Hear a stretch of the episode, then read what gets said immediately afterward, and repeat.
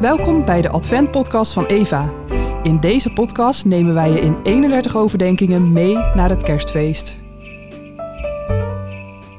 Aflevering 25. Niet ver daar vandaan brachten herders de nacht door in het veld. Lucas 2, vers 8. Het eerste kraambezoek waren herders.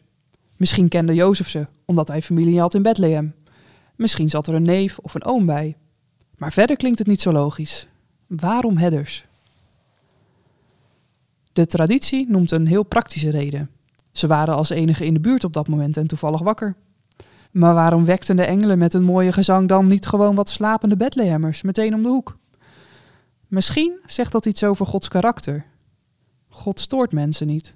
God maakt geen herrie. God beweegt zich zacht door de geschiedenis.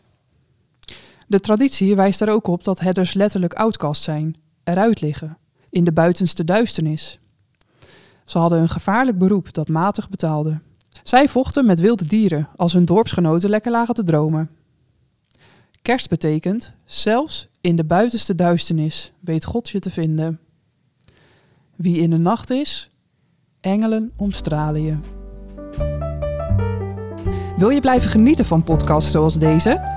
Ga dan naar eva.eo.nl slash abonnee en steun ons.